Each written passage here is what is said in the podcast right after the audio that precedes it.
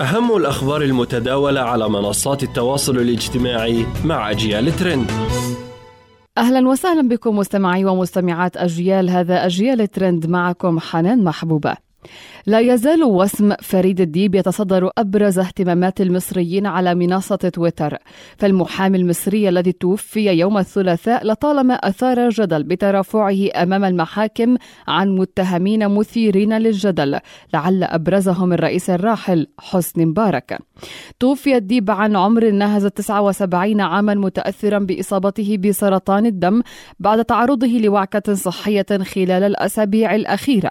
تصدر خبر الوفاه منصة التواصل ومحركات البحث في مصر فالمحامي نال شهرة واسعة حيث تولى الدفاع في العديد من القضايا الشائكة خلال مسيرته في مهنة المحاماة التي تجاوزت خمسين عاماً. خاض فريد الديب معارك قضائية عديدة أدت إلى شهرته الإعلامية الواسعة من بينها الدفاع عن الرئيس المصري الأسبق حسني مبارك وأسرته عقب ثورة يناير عام 2011 التي أسقطته.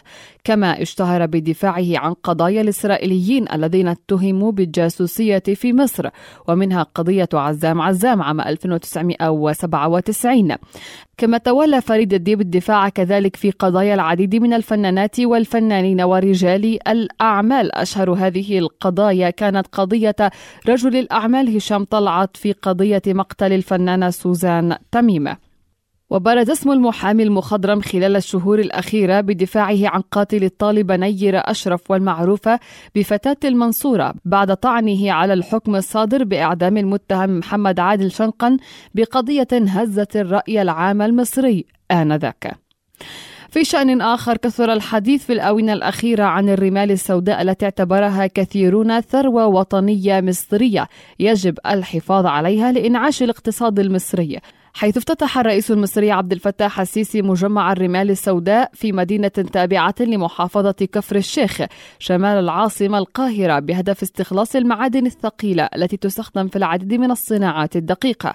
ما هي الرمال السوداء؟ رواسب شاطئية تأتي من منابع النيل سميت بهذا الاسم لاحتوائها على كثير من المعادن الثقيلة لذا يغلب عليها اللون الداكن. انتشر عبر مواقع التواصل الاجتماعي بعد افتتاح مجمع الرمال السوداء. بدأ رواد مواقع التواصل في مصر بالحديث عن أهمية هذه الثروة التي اعتبرها كثيرون أغلى من الذهب. ومن جهة أخرى انتقد كثيرون تصوير المشروع على أنه إنجاز للرئيس المصري بينما أول من عمل على هذه الفكرة هي حكومة قنديل السابقة. إلى هنا نصل إلى ختام أجيال ترند دمتم بحفظ الله. إلى اللقاء.